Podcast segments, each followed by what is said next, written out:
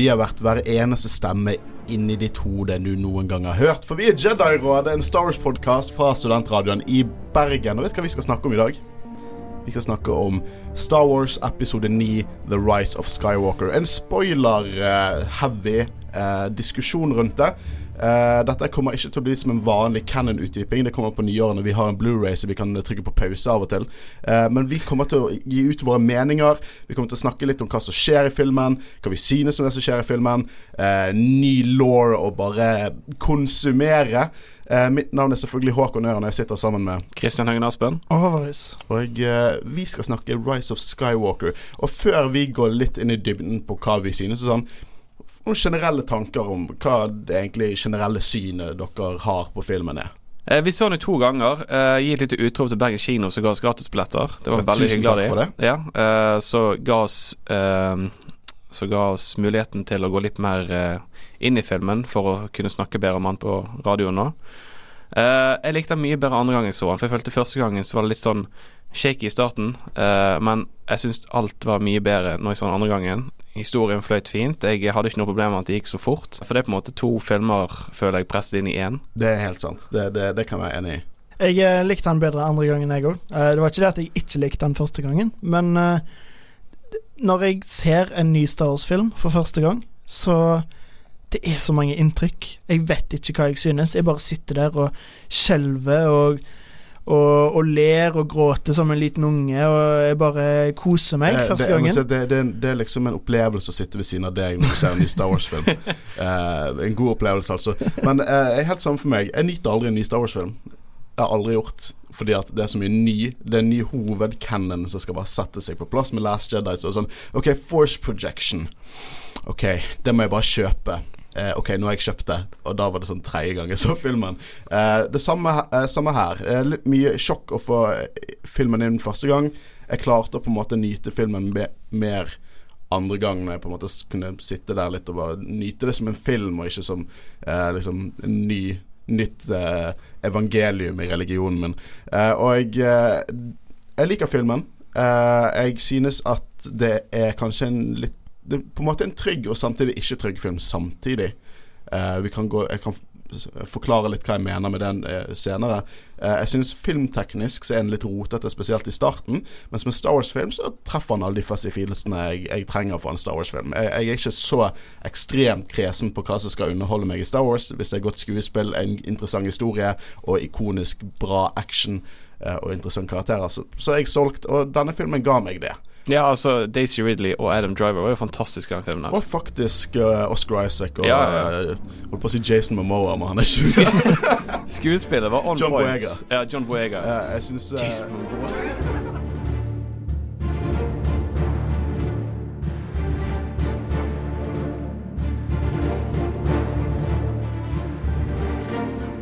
Jeg må bare understreke, bare dytte det inn i ørene deres. Dette er latterlig mye spoilers. Det er sånn ekstremt mye spoilers. Vi, vi spoiler hele forbanna filmen. Så hvis ikke du har sett den, hva faen gjør du nå? Skru, skru av. Slutt. Gå og se filmen og kom tilbake igjen. Gå på kino. Get the fuck out of here.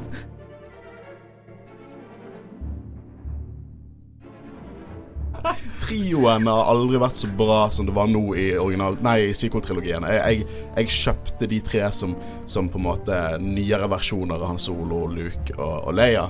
Eh, og jeg synes de, det, det, gjorde at jeg virkelig satte pris på første del av filmen, og de var på en måte på eventyr sammen. Og tidligere i filmen så har uh, Daisy Ridley og Oscar Isaac, altså Ray og Poe, en samtale der de på en måte litt bantrer litt fram og tilbake, for han har tilsynelatende ødelagt Falcon, og hun har tilsynelatende ødelagt BB8, og så sier hun You know what?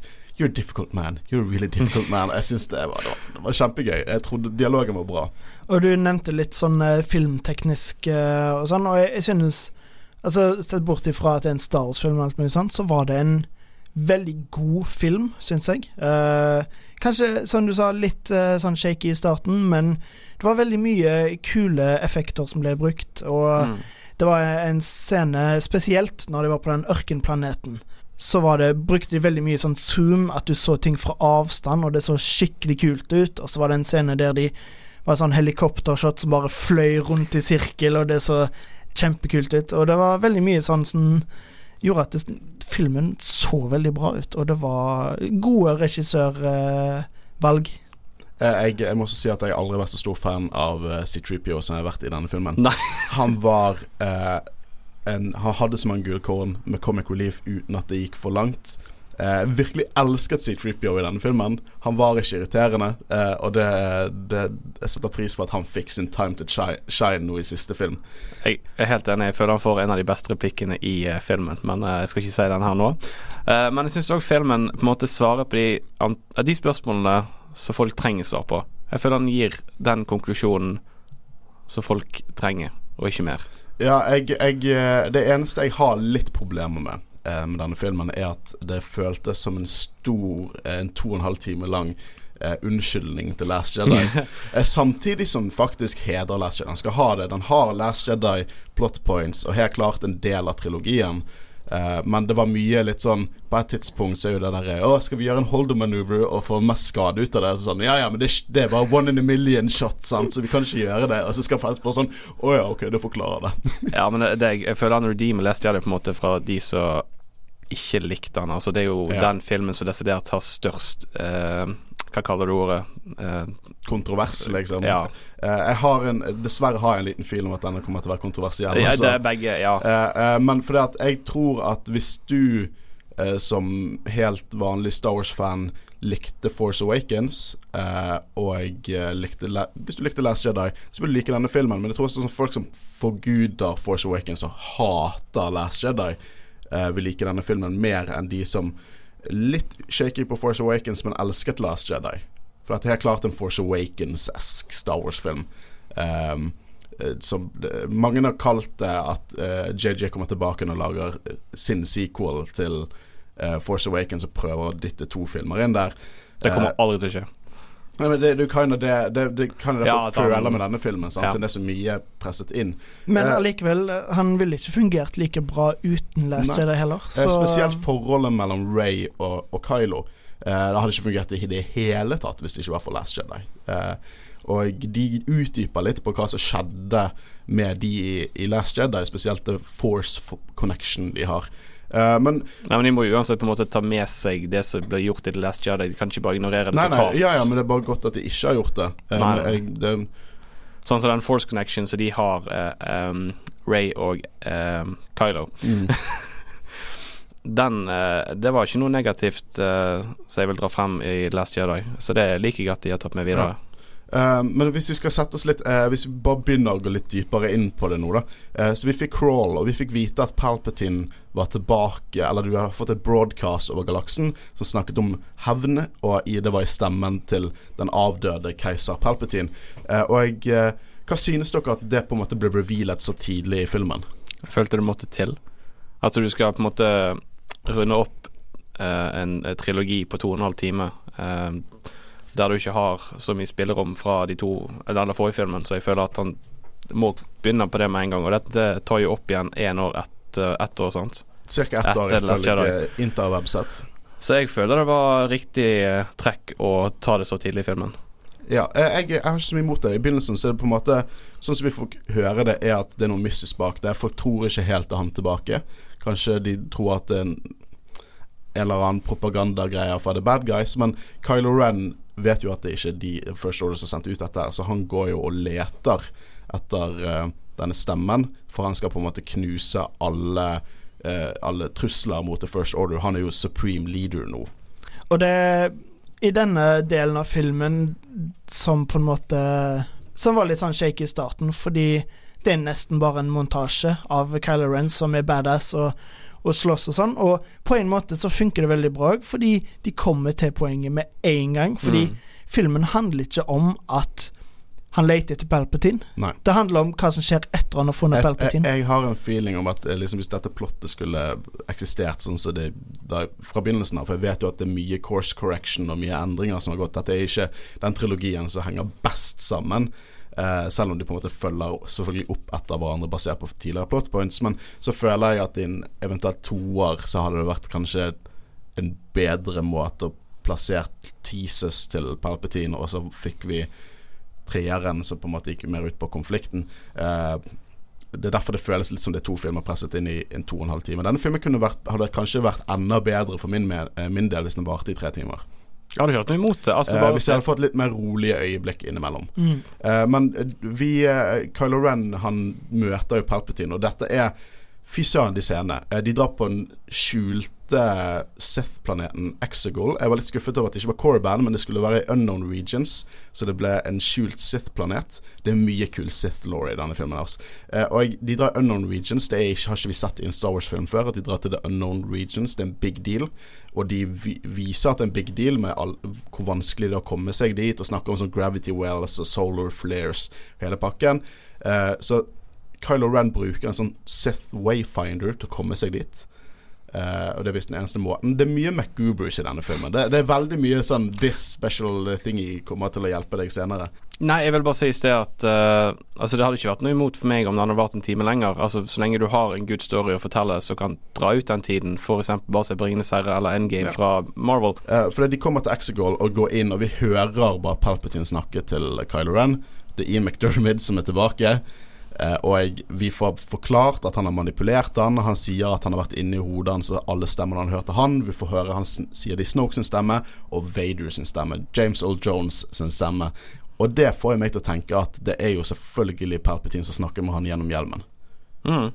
Garantert. Og det, ja, det Ja. Og, jeg, eh, og jeg, vi kommer ned dit, og så er det liksom forklarer han hvor Snoke kommer fra. I made Snoke. Og så ser vi i bakgrunnen basically sånne alien resurrection-kopier uh, av Snoke inni sånn skitten kloning. Sånn det ser ut Det ser nesten litt sånn HB Lovecrafty ut, med hvordan skitten klonefacility som er inni det uh, Seth-tempelet der. Og så er det Palpatine som er stuck til en sånn maskin. Ser helt zombie ut. Og så forklarer han egentlig den perfekte forklaringen for meg hvordan han overlevde. Eh, jeg trenger ikke skrevet ned en sånn journal fra dag til dag hvordan det gikk etter han overlevde, eller hvordan han overlevde. Han siterer seg sjøl fra episode tre og mm. sier at den mørke siden er en pathway til mange evner, og at mange av de ble ansett som unaturlige. Noe som han sa akkurat når han snakket om Plagueis, så fant ut hvordan han på en måte kunne cheat death, og det har Palpatine klart. Og sånn er han tilbake. Jeg trenger ikke mer. Det gjør det mystisk, samtidig som det forklarer det basert på law. Jeg digger det. Alt i en setning. Ja, og uh, Kylo dreper jo ikke Palpatine. Han sier, eh, Palpatine sier at han har en armada, og han vil at Kylo skal være keiseren, men da må han ødelegge The Jedi, og det er i Ray. Um, og det er på en måte gir god forklaring på hvorfor Kylo For Kylo samtidig virker nesten litt henchman til Palpatine, samtidig som han har sin egen agenda. Nesten litt Vader-esk. Eh, hvordan de på en måte ikke liker hverandre, men de på en måte prøver å jobbe inn symbiose. For at Kylo vil jo ha denne Sith-flåten. Og det, Den scenen og alt det kommer opp, er nydelig. Jeg digger det. Den, og det er Imperial Class One Destroyers. Eh, og jeg, eh, det er helt fantastisk. Det, jeg fikk frysninger når de liksom løfter seg opp fra isen, og du ser hele denne flåten. Eh, jeg likte veldig godt hvordan de åpnet filmen med Palpatine og, og Kylo. Og jeg jeg, jeg, liker veldig godt Palpatine i denne filmen. Han, han går fra å være i uh, prequel-trilogien til liksom politiker til å være Sith Lord til å være noe nesten mer elementalsk i denne filmen. Uh, nesten som Sauron. Det, det, det er flere likhetstrekk med Ringenes herre i denne filmen, faktisk. Ja. Og Hva synes dere om han er tilbake? Hva synes dere om forklaringen til eh, hvordan han er tilbake? Jeg trenger ikke en, en veldig detaljert forklaring, jeg heller. Altså han overlevde. Det er greit nok. Uh, på en måte er det kanskje litt rart at uh, han har venta så mange år og komme tilbake, men allikevel det, det, er ikke noe jeg men, Det er ikke et stort problem for meg. Samtidig ikke, for alt vi vet om Palpatine fra, fra uh, utenomsidig canon, er jo det at han hadde alle disse planene, og han, han tok det long, long way con, liksom. Han, han, ville vente ut, han ville forsikre seg om alt gikk, eh, gikk over. Det hintet til at The First Order var hans plan, og han kaller dette nå The Final Order. Jeg har heller ikke noe imot at han er tilbake. Jeg eh, digger det. Altså En karakter fra originaltrilogien til, så på en måte uh, The Emperor. Det er dødskult. Um, men han har jo på en måte da styrt galaksen gjennom Snoke. Ja, og det er det jeg synes er awesome. At uh, vi har en skurk som gjennom all, hele, alle tre trilogiene har vært der. Og jeg fikk senset litt Jeg leste dessverre litt på Reddit hva folk synes om filmen, og det, det, er litt splittet. Og folk har ganske mye imot dette med at Palpatine er tilbake, hvordan han overlevde. Men jeg synes det, blir, det, det, gir så mening i forhold til all law, alle bøker og tegneserier, hvordan The Empire kind of fortsatte og ble til The First Order etter episode 6. At han faktisk fortsatt har en finger med i spillet. Eller en, to hender, for å si det sånn. Ja, for det er jo klart at etter uh, Return of the Jedi at han hadde planer iverksatt i tilfelle han skulle dø. Ja. Og eh, det du nevnte med at det er Palpatine som er skurken gjennom alle trilogiene, det det gir det så mye mer òg, fordi da er det på en måte Det er en helhetlig historie som vi får vite eh, om gjennom i 50 år, er det det? Uh, og uh, jeg føler at det gjør det ekstra stort, på en måte. At det er han som er skurken. Ja, for jeg, jeg, føler at når, når de konkluderer Skywalker-sagaen, også hvis de bare hadde kastet inn hvis Snoke hadde vært den store big bad-skurken I et alternativt universet er det han som er den store skurken i denne filmen, og det er ikke noe Palpatine. Eh, så er det litt sånn OK, så du har Palpatine i de seks første filmene. Så kommer de tre siste filmene som skal konkludere sagaen. Men hva stopper det for å komme en ny stor bad da, etter det, siden Snoke kom? Hvordan kan ikke dette, denne sirkelen bare fortsette og fortsette, fortsette? Hvis de skal lukke trilogien og historien, så har du en big bad som har vært der over alle filmene, og hvordan hans på en måte tilstedeværelse nå i ettertid har vært der eh, gjennom episode 7 og episode 8, gir en sånn Sauron-mentalitet. At han er ikke der fysisk til stede, og han er nesten ikke fysisk til stede. Nå, han, er, han er på en måte nesten bare et lik som fortsatt er litt eh, mentalt til stede. Han, han, sier ikke at han sjøl Hans plan til i begynnelsen er jo bare det at han vil på en måte fortsette sitt empire gjennom Kylo Ren. Det viser jo seg at han har andre planer enn det. Og vi, vi, snakker, vi tenker Dette er jo ikke en, en stor canon-utdyping, så jeg føler vi egentlig bare kan snakke om hvordan eh, hva planen hans i helheten er med Palpatine. Eh, for det at i løpet av filmen så vil jo han Han vil jo ha Ray. Hvorfor vil han ha Ray? Det er et spørsmål gjennom hele filmen. Og vi får, vi, får jo vite at Ray er en Palpatine og at foreldrene Det, det er litt, litt, litt kjipt, for at uh, Ray og Kylo Ren snakker i løpet av filmen Det er veldig mye av dette som vi, vi fikk se i Force oh, uh, Nei, Last Jedi. Bare kanskje enda mer fysisk, for de kan bytte gjenstander gjennom denne revisjonen. Jeg hadde ikke noe imot det. Uh, jeg syns det var veldig kreativt. De bruker det veldig effektivt i en sverdekamp på slutten av filmen. At de på en måte sender en lightsaber gjennom The Force. men vi får vite at Kylo Ren løy ikke. At foreldrene valgte å være ingen. Det høres litt retconning ut, og det er nok litt retconning, men uh, vi får i hvert fall vite at faren til Ray uh, og moren ble drept av en Jedi Hunter uh, som lette etter Ray. For det, Palpatine vil jo ha Ray. Og grunnen til at Palpatine vil ha Ray, er fordi at Ray har kreftene til Palpatine fordi hun er en Palpatine.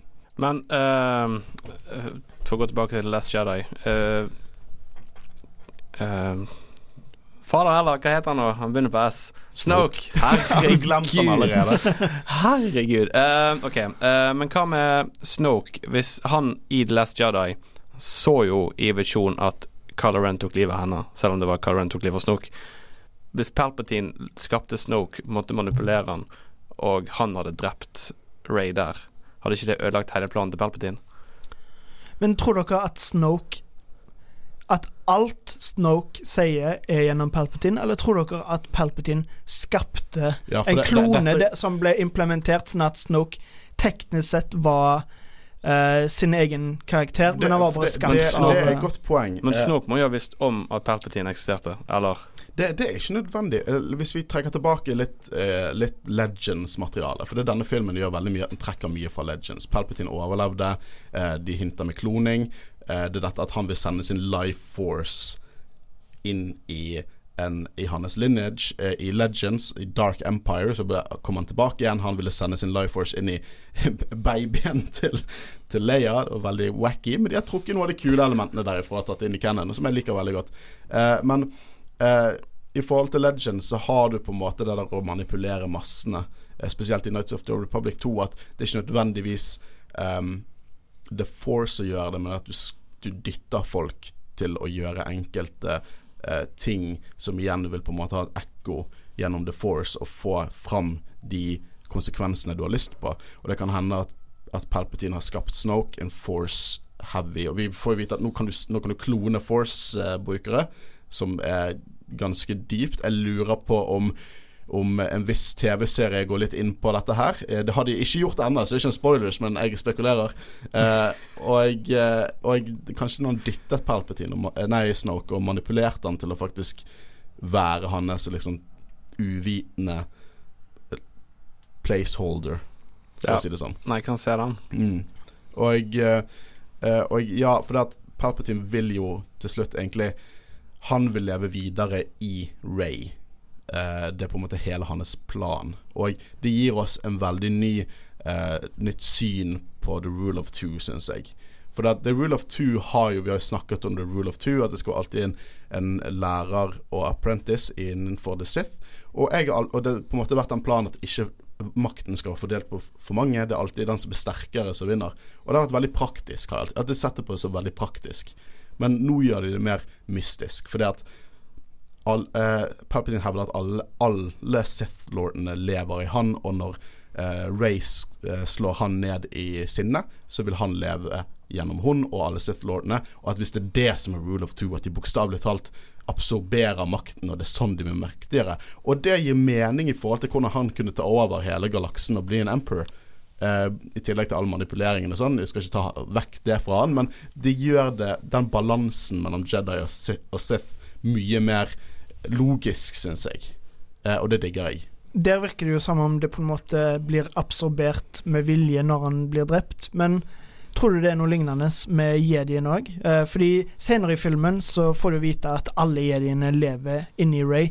Tror du at selv om de ikke er Ray som dreper jediene, at, at de også blir absorbert i den, jeg, jeg de ikke, som er Jeg tror ikke det er like bokstavelig der. Jeg, tror det var mer symbolsk ting hun sa.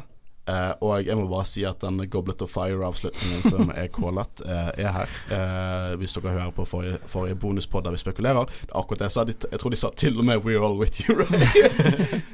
og det er jo også det er fordi at når han i slutten, når han er på supermektig og tar ut masse skip og som en Force Lightning, så sier jo han all the Sith are in me, og så sier hun all the Jedi are in me, og så hører hun på en måte Hun hører Mace Windu, hun hører, hun hører, hun hører faktisk Kia de Mundi og alle disse Council-jediene. Alle er med der. Folk som til og med ikke snakket i prequel-trilogien, har stemmene sine der. Det er derfor jeg ikke kjente igjen alle stemmene.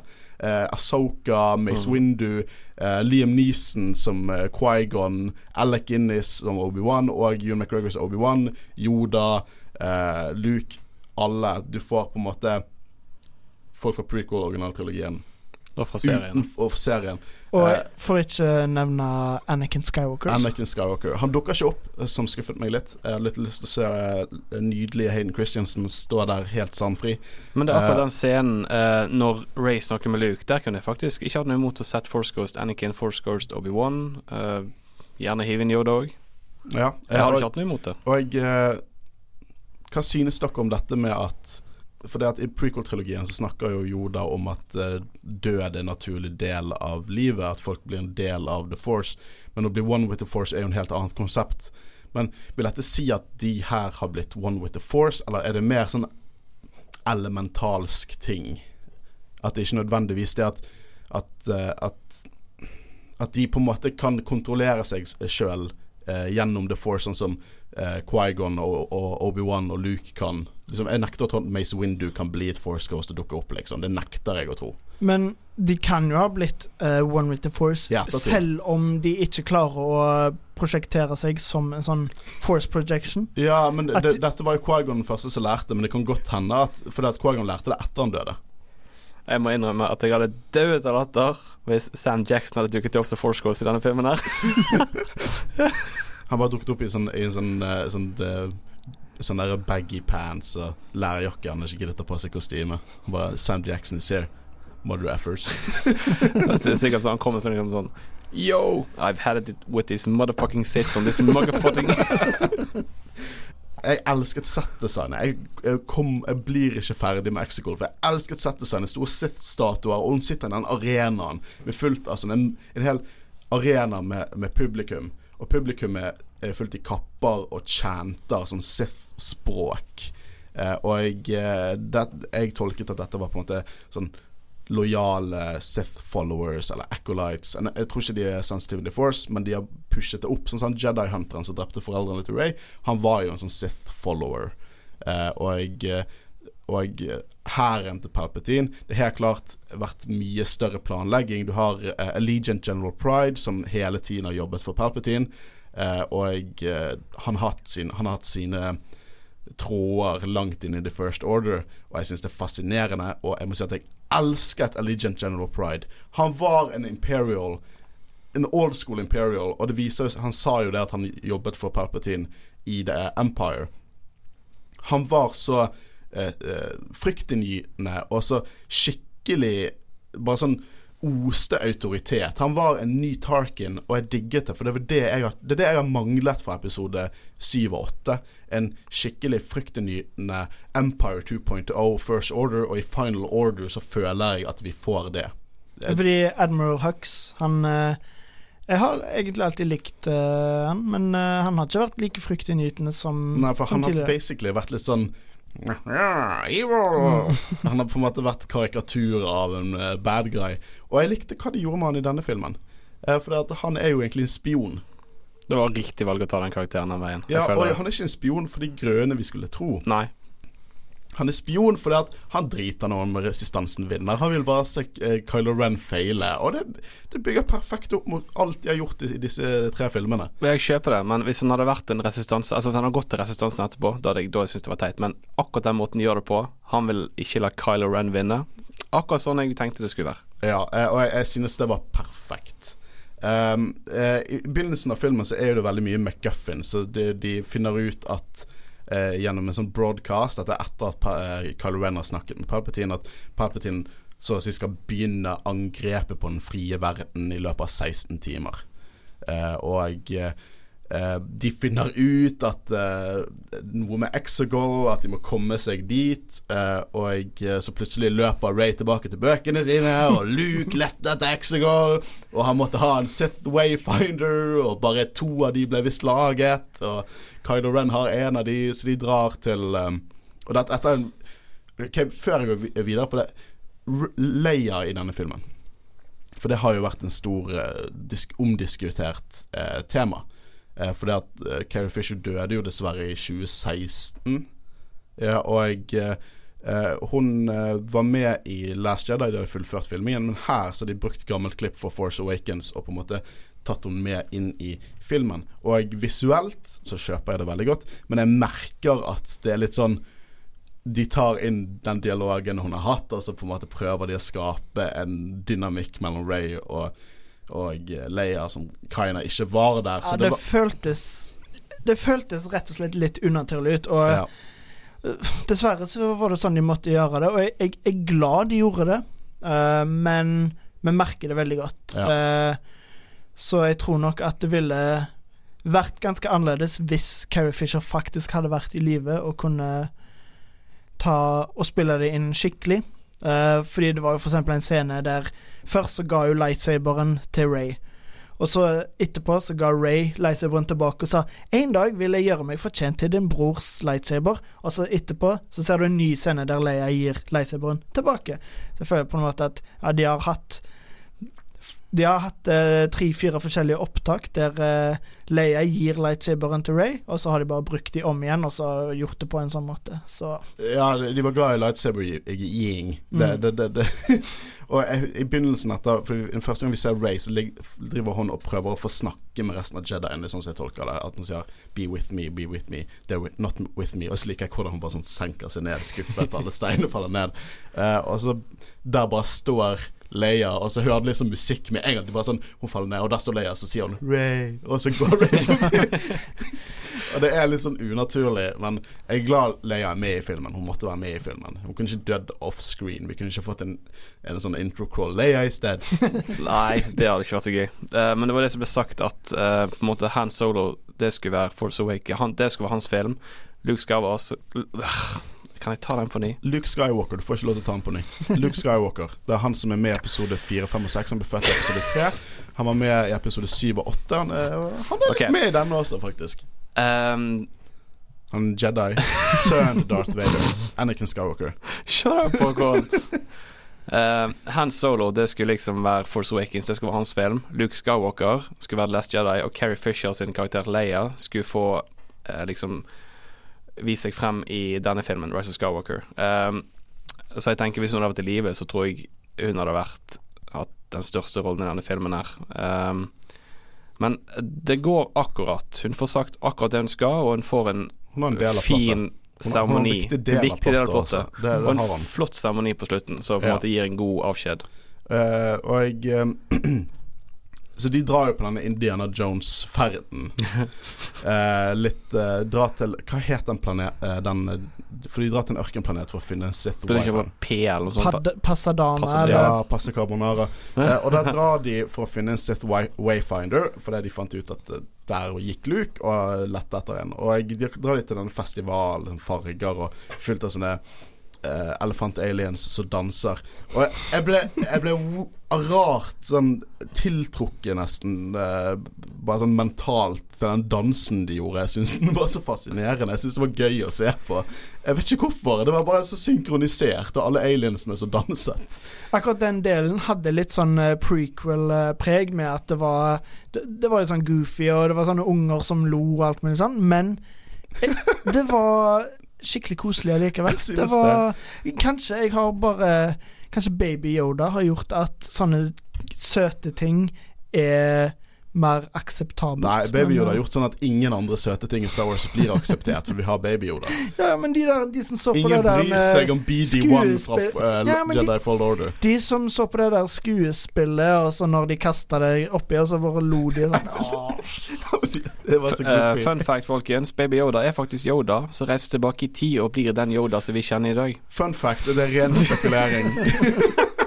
Uh, men uh, her får vi også noe nytt uh, gode Fordi at Poe og Finn og C3PO og BB8 alle blir mer Ray på denne ferden, og jeg digget det. Det var en sånn type Samwise og Frodo og sånn herre I'm going alone, of course you are.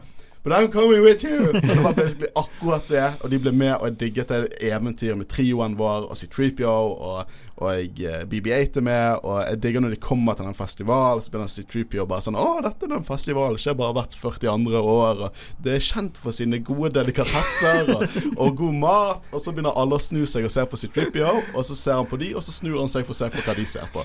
C3PO er nydelig i denne filmen. Jeg elsker han i denne filmen. Jeg vil påstå det er hans beste film.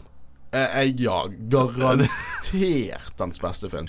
Eh, men vi drar inn i festival, og, og Kylo leter jo etter Ray, så de får en sånn for, ny Force uh, connection-bit. Uh, og Ray har jo nettopp fått en sånn smykke av en liten unge som har spurt hva heter du til etternavn. Det vet jeg ikke. Det, jeg uh, føler det var et par ganger denne filmen som var litt sånn der OK, de, de de kjørte det ekstra hardt. Det var sånn Who are you? Uh, I'm Ray. Og så bare What is your last name? Og så bare I don't know. Ja, Men det er viktig for kulturen deres òg. Family name, sant. Nei, det, det er et par uh, sånne ting som virker som de virkelig dytter ned. Sånn, jeg skjønte skjønte kinda hva det gikk i med en gang de scenene kom, og det er veldig mye duppeditter. Sånn skal jeg skjønne at Sith Wayfinders er en, en, eller annen ting i Jeg håpte det var en Sith Holocron. Jeg håpte så sykt det var en Sith Holocron. Uh, for det kunne på en måte Du må jo bruke det dark side for å bruke en Sith Holocron. Og det som er mest fascinerende med Ray i denne filmen, i min mening, er at hun strever veldig med det dark side. Spesielt fordi at hun får jo vite at hun er Palpatine. Uh, etter de er på denne planeten og, og de, uh, First Order finner de pga. Kylo Ren stjeler et smykke gjennom The Force. det høres veldig weird ut når jeg sier det høyt. Jeg stjeler et smykke gjennom The Force, jeg finner ut hvor det er. First Order kommer etter de, sammen med Nights of Ren. Uh, og de blir på en måte introdusert. Jeg liker når Stormtrooper Jeg fikk ikke med meg hva Stormtrooperen sa. Han bare sånn Nights of Ren. Enten sånn Ghouls, eller sånn cool. ja, jeg klarte ikke å få med det. Ikke andre gang engang. Jeg, jeg skjønte det ikke. Men her er en ting. Altså I forhold til Force Powers, uh, og at de nå kan ta ting ut av en Hva skal du kalle det? Visjon, eller hva? Ja de, de, gir ikke helt mening basert nei, nei, på det altså, jeg vet om The Force. Men hvis noe jeg har lært av disse filmene, er at jeg må akseptere nye Force Powers.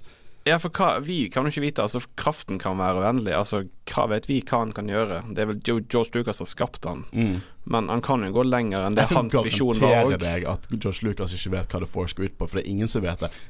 Hvis jeg skal si hva The Force er The Force er en dubbeditt uh, power som går for å dytte plottet fram. Og det må Kaina akseptere at det er det det er. Og det er det det, det er i denne filmen, til en høy grad. Uh, og jeg, uh, hvis du ikke klarer å, å nå, snakker jeg, nå, snakker jeg, til, til folken der ute. Du, man kan ikke hekte seg opp på Force Powers. Fordi at hvis man begynner å, å kritisere Force Powers, så kan ikke noen av Star Wars-filmene fungere. Uh, så det er det min Nei, mening er det Force. sant Jeg digger det. Men uh, hvis du ser på YouTube, så tror jeg det er sånn fem minutter sånn kip.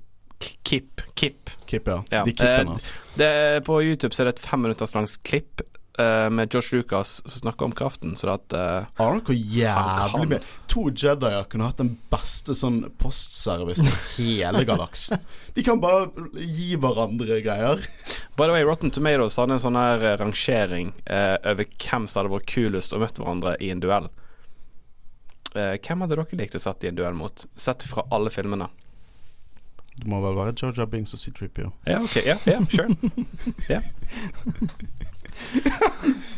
Uh, men i hvert fall de, de, de, de, får jo first order etter seg, og så kommer det en fyr i en kul sånn der uh, Bounty Hunter-greie og skyter en pil. Igjen! Sitter fast i, i hjelmen til en Stormtrooper. Tidligere så har vi fått sett en sånn uh, For i begynnelsen av filmen så har jo Poe og de funnet noe informasjon om at det er en spion in the First Order, og det er en alien som sier sånn her 'Window war for me!' Med sånn skikkelig brite, og ser veldig rar ut. Jeg liker designet, det er veldig mye praktisk i den filmen.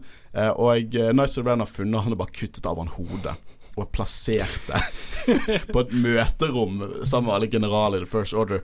Uh, og um, de er jo etter de nå, da, og, og plutselig kommer Lando og redder de. Yay! Og, den, og greit nok, det er super fanservice, men ja, ja, når Lando tar seg hjelmen, bare sånn Wookie stands out in the crowd, eh? Å, oh, det var så koselig. Og de ga hverandre en klem. Å, oh, det er Lando. Oh, det var det beste. Og, nydelig. Uh, og han forklarte jo også det at eh, at Luke var her, og han var med Luke for å prøve å finne denne Jedi-hunteren. Eh, har til og med et lite hologram klart. Men hvor har du vært henne? Ikke fortell meg at du var på den planeten hele tiden. Nei, det har, jeg, tror jeg ikke. Nei. Eh, for han sa at han fikk, han fikk, en melding av The Resistance eh, fra Leia. Og nekter å tro at han var på den planeten, i så fall. Uh, men uh, han er motvillig til å gå tilbake igjen til å, å fly. Han sier hans flying days are over, og det vet vi betyr sånn jeg kommer å være med og redde dagen senere. Uh, ikke, jeg skal ikke si at den er ikke tom for uh, klisjeer, denne filmen, men som Josh Lucas sa om klisjeer, klisjeer er klisjeer, for klisjeer funker. Uh, og jeg, det blir en stor chase nå, og jeg elsket de der nye First Order motorsykle-tanks-greiene med, med jet troopers eh, bak. Og så tar de på en måte sånn katapulter opp jet eh, troopers, og du hører sånn boing! eh, jeg, jeg, likte også veldig godt designet på jet trooperne. Eh, jeg likte ikke når jeg først så det, men når jeg så de i aksjon, det var en, veldig, det var en kul actionscene. Eh, jeg likte det veldig godt. Jeg vet ikke hva dere synes om de nye trooper-designene i filmen. De var jo ikke så jævlig mye med, spesielt Sith Troopers. De var kinda bare der. Men det forventet jeg nesten. Og Nights of Ren var kinda bare der. Ja. Det har jeg ingen problem med. Jeg har lest på nett at folk er skikkelig skuffa over at de bare var der, men hva forventer de? At, det, at uh, vi har ikke sett Nights of Ren i to filmer, og så plutselig skal de bare være superviktige og super bad guys. Eh, de Nights of Ren er basically Naskools ja, for ingen De gjorde det, de, uh, det jeg forventa. De var der. De var skumle. De ja, og de, de, de kidnapper jo uh, Chewie mm. senere i denne filmen. Og jeg, de, i begynnelsen av altså, filmen, etter på en måte Kylo Ren har snakket med Palpatine, så får vi en scene der Nigel Ren står rundt Kylo, og de reforger masken. Og så masken var tilbake, så tenkte jeg kom an. Kom an, JJ. Det gir ikke mening. Det gir mening. Mm -hmm. Fordi at uh, Kylo Ren skal på en måte ta opp igjen denne rollen Han skal bli det Vader aldri klarte å bli. Sånn, ta tilbake den eh, identiteten eh, som han hadde, som ble på en måte benektet i episode 7. Så sier faren 'ta vekk den hjelmen, du er Ben Solo'. I episode 8 sier Snoke 'ta av den uh, ridiculous masken, du er bare et barn'. Nei, han er liksom arvingen til Darth Vader, og nå er det tilbake igjen. Uh, og der fikk jeg en veldig Ringenes herre-fil. Det var som når de på en måte tar på rustningen til The Witch King og Nazgul står rundt. For det er det, uh, det er det Nights of Ren er. De har ikke mye personlighet annet enn designet. De jobber for Kylo Ren tilsynelatende, og de jakter på, på liksom the good guys. Og det kind of det jeg forventet. Når folk hører Nights of Ren, det er et lit, det er en liten throwaway line i episode 7. Jeg skjønner ikke hva folk forventer, for det er dette jeg forventet. Og jeg er ikke sånn superhypet over Nights of Ren, og jeg er ikke sånn superskuffet. Men jeg har vært skuffet hvis de fikk mer oppbygging. Jeg føler oppbyggingen har vært meta, det har vært i bakgrunnen. Det har ikke vært filmene som bygget det opp, det har vært hva man forventer av Star Wars som har bygget opp. Og jeg det, det, måtte vært en jævlig lang film hvis de, hver av de skulle ha sin egen, eh, egen karakterisering og, og sånne ting. Uh, så De gjorde jobben sin, de var der. Uh, det har en veldig kul kamp på slutten, for det, Kylo han blir jo good guy i løpet av filmen. Og hva synes vi om at han blir good guy? Akkurat det jeg forventa. Uh, på en måte så håpte jeg at han ikke ble good guy, men måten de gjorde det på, så, så liker jeg det veldig godt. Og som jeg sa, jeg forventa det. Hvis de kunne, Det kunne fort blitt veldig feil, på en måte. Men de gjorde det på den rette måten. Jeg skal si at jeg forventet det, og jeg gruet meg til det. Men jeg har ikke noe problem med det. Uh, jeg syns de gjorde det veldig uh, bra. For nå har du på en måte gjennom denne filmen så prøver jo Ray å finne en, uh, en wayfinder til å komme seg til Exegol. og hun finner ut at basert på å lese sånn Sith-runer fra den kniven til han er Jedi-hunteren som drepte foreldrene, i det skipet vi så i episode 7, Eh, så er det i Death Star. Og Der måtte jeg, der måtte jeg tenke litt sånn OK, enda en dubbeditt. Det var dubbeditt for å finne en dubbeditt. Uh, for å finne en annen dubbeditt. Tre dubbeditter. Uh, det er sånn dubbeditt opphøyd i tredje, liksom. Og den dubbeditten så de Sith Wayfinder skal finne i vraket til Death Star, og der en person laget en Sith-kniv der han sto på akkurat samme område som Ray sto på, og lagde denne sirkel for å finne akkurat det. Og det er litt sånn greit nok. Du får plottet videre. Det er litt cheesy, men får plottet videre. Uh, og uh, hun har jo en kamp med Kylo Ren på i The Death Star etter Kylo Ren ødelegger, ødelegger denne greiene. Hun får sånn dark side vision her uh, av Dark Ray. Hun var en vision. Det var akkurat det vi forventet hun skulle være. ikke noe overraskelse der. Det var en kul liten kamp da mellom Ray versus Ray. Hun har double-bladed red lightsaber hele pakken. men Kylo Ren ødelegger Sith Wayfinderen og sier den eneste måten å joine meg og dra til The Emperor og faktisk drepe han. Og så er det kameraet som du ser der som går inn. Ja. Ser du Raider Return of the Jedi? Jeg vet ikke. Jeg, jeg, må se filmen igjen for å se om det er liksom ja. hint til det. Men det er kult. Det er jo i tronerommet. Det er tronerommet ja. til, uh, til, Return of the Jedi. Og du ser tronen til Palpatine, og du hører musikken fra episode 6. Det er mye nostalgi uh, i denne filmen. Og det blir en kamp mellom Kylo Ren og Ray. Og tidligere i filmen har vi fått uh, vist at Ray har denne force heal-abilityen. At hun kan gi litt livsenergi til, til en annen. Uh, og det er ikke en ny ting. Absolutt ikke en ny ting. Det har vært i Legends i mange, mange år. Uh, og nå har de tatt det med inn i Cannon. Mm, jeg føler ikke kan Folk, folk, folk liker ikke det. folk sier at det er kind of det Anakin ville ha, men det er ikke akkurat nødvendigvis det Anakin ville ha. Jeg føler vi kommer mer tilbake igjen til det etterpå. Jeg har, noe, har noe, jeg har, noen tanker om hva Anakin ville ha når han skulle redde Padme i forhold til det Ray eh, og Ben Solo visstnok har. Men det er vel noe i den graden? Jeg tror det er gang på, på steroider, liksom. Ja. Eh, eh, men eh, han ødelegger Wayfinderen, og, og de slåss på eh, Death Star. Og det ender jo med at, at Leia reacher ut til sønnen sin, mens hun dør mens hun gjør det, for å få siste push tilbake igjen til Lightside. Og han stopper opp i sine spor, og Ray kutter han ned. Og jeg tenkte faen, ikke drep Kylo Ren på denne måten. Og Da tenkte jeg Leia, du drepte nettopp sønnen! What the fuck? Nei, nei, hun, hun, gjorde ikke det. Altså, på den måten, Hun brakte han jo tilbake til den gode siden. Jeg vet det, men det er sånn å, Det var ikke meningen at du skulle bli distrahert. Faen. Å, nei, nei, nei, nei. Uh, men Ray tar jo og healer han da, og så sier For Kylo har drevet og teaset han sånn 'Å, du er en Palpatine. Å, du har the dark side'. Han sier en veldig kul line som er sånn 'The dark side is lineage'. Det er i blodet. Og tidligere i filmen så trodde jo Ray at hun drepte Chewbacca ved å bruke Force Lightning. Og når Force Lightning kom ut av hendene hennes, så tenkte jeg bare 'what'?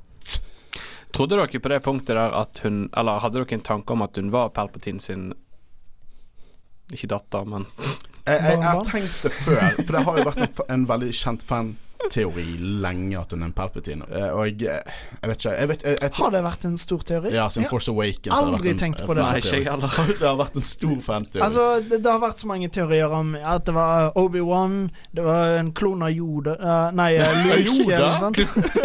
Men jeg, jeg, jeg forventa faktisk ikke Palpatine. Jeg forventet at hun skulle være en klone av Luke sånn, jeg. Så baby Yoda blir Ray.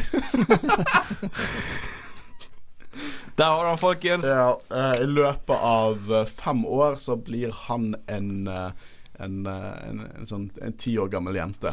Ja.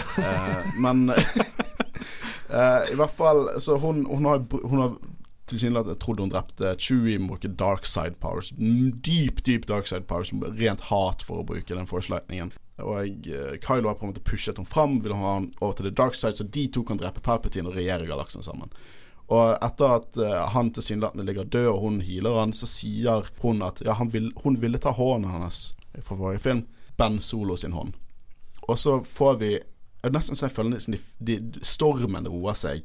Ben Solo står der mens hun flyr vekk i skipet hans, som var litt gjort Men uh, uh, Og så står han der og på en måte puster inn, og så hører vi Hey kid, og så får han en nydelig scene med Harrison Ford som spiller Han Solo. Det er klart det minne, visjonen han ser. Er han, han, er ikke tilbake igjen i Force. Han Solo er ikke en Force Ghost. Men, uh, det, Men de forklarer det veldig godt med én ja. setning, at han er på en måte inni hodet hans. Mm. Og jeg uh, og det bygger også med at Luke sa i episode åtte at uh, din far vil alltid være med deg, og alt, jeg vil alltid være med deg. Du, han siterer seg sjøl fra Force Awakens på at historien går en annen vei. Han kaster vekk lightsaberen. Ja, det var så nydelig. Og det, det, var akkurat likt som i Force Awakens, med på en måte Kylo sa 'jeg vet hva jeg må gjøre, men jeg vet ikke om jeg klarer å gjøre det', og så tok han solo på kinnet hans, akkurat som han gjorde. Men istedenfor å drepe han, så kastet han lightsaberen vekk. Og det var et nydelig øyeblikk. Ja, helt nydelig. Jeg, jeg, jeg, likte det. Jeg kjøpte det. Det ga mening. Og at Leia var med i regnestykket på å få han over til uh, lightside, det var tingen. Uh, og når vi snakker om på en måte lightside-brukere, jedis og uh, kraften og alt det der Ray er jo hun har jo helt panikk på hvor hun går nå. Hun er redd fordi hun ville ta hånden til, uh, til Kylo. Hun er redd for hun har bodd så mye Darkside Park Hun har fått visjoner om at han sitter på Sith-tronen. Så hun drar til akt to for å ta en Luke. Og jeg liker at du sier det sånn, for å ta en Luke. ja. Og hun brenner skipet hun kom med. Skal til å kaste lightsaberen. Får se Porgs. Ja. Litt skitten i denne filmen, da, men det er to parks i denne filmen. Hun kaster lightsaberen til Luke inn i vraket, og så er det en hånd som kommer ut av vraket som tar lightsaberen. Og det er Mark Hamill og Luke Skywalker som Force Ghost og sier uh, Det er ikke sånn du behandler et våpen. well, that's ironic. Uh, og kom, han kommer ut, og hun forklarer situasjonen sin, og at hun sier hun skal gjøre akkurat som, som deg, Luke, og han sier 'jeg tok feil'. Som akkurat det vi snakket om i, i Last, uh, Last Jedi-episoden. Han tok feil, og han, han skjønte han tok feil. Og han for, forklarer det at vi visste at du var en Palpatine, men det er ikke det som betyr noe. Tror dere at de bokstavelig talt visste Å ja, ja, ja, nei, men det er jo dattera til den og den personen, som igjen er ungen, er ungen til Palpatine? Eller tror de bare sensa det, at det var noe det, det? det, kan være både òg. Jeg har ikke lyst til å på en måte spekulere for mye, men jeg, jeg tolket det bare sånn instinktmessig som at de senset det. Det er jo på samme måte som Kylo Ren på en måte senset at han trodde hun var en Perpetin, men fikk ikke bekrefta det før hun hadde den konfrontasjonen med den lightning-greiene. Så jeg eh, Ja, begge deler. Ja, og det, og det er sånn um, Vi får uh, Han snakker om at de grunn, det Jedi gjør, handler ikke om på en måte hvor de kommer fra. Det gir, gir, veldig mye på hva de bygde opp i Force Awakens. Nei, Last Jedi. At det har ikke noe å si hvor du kommer fra. Her går de på en enda mer eh, liksom, direkte måte og sier at greit nok, du føler at dette er det du kommer til å leve opp til, for dette er der du kommer fra. Men det har ikke noe å si, det har ikke noe å si hvor du kommer fra, for det du kan gjøre dine egne valg, og du kan være en Jedi. Og det Jedi gjør, er å stå imot frykt. Og jeg, eh, han begynner å forklare Han sier det er veldig fanservice, men det er en ting han vil at hun skal ha, og det er Leia sin lightsaber. Forklarer at eh, når han trente opp Leia, så senset hun at hennes sønn kommer til å struggle, og at, at hun ville ikke på en måte fortsette treningen. Hun ville at at, at, en annen person skulle på en måte plukke opp veien, og det er Ray. Og vi får se en nydelig flashback av eh, Leia og Luke som trener, og de har unge fjes, og det var nydelig. Jeg elsket den scenen. Det er kanskje min favorittscene i hele denne filmen. Er de sånn fem-ti sekundene der de trener, og det er unge Luke og unge Leia. Jeg digget det. Uh, og hun får Leia som lightsaber. Leia, Hun har jo kalt Leia for mester. Dette er et, uh, og jeg digget at Leia var på en måte mesteren hennes. Jeg digget det. Og uh, hun skal ta med den til Exegol for å stoppe keiseren, på en måte, for å fullføre reisen. da og akkurat den scenen der vi ser at Leia faktisk trener, og at hun faktisk har en lightsaber og sånn.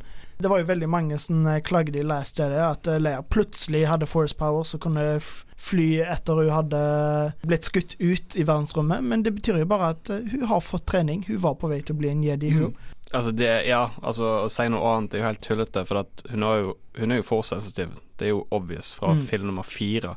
Så at hun har fått Jedi-trening av Luke i løpet av den tiden der, det er jo Det gir totalt mening. Jeg husker når Force Awakens kom ut og hun ikke var en Jedi. Jeg er ganske sikker på at det var canon at Luke hadde begynt treningen, men hun takket nei. Så de opprettholder det som er allerede grunnlagt der.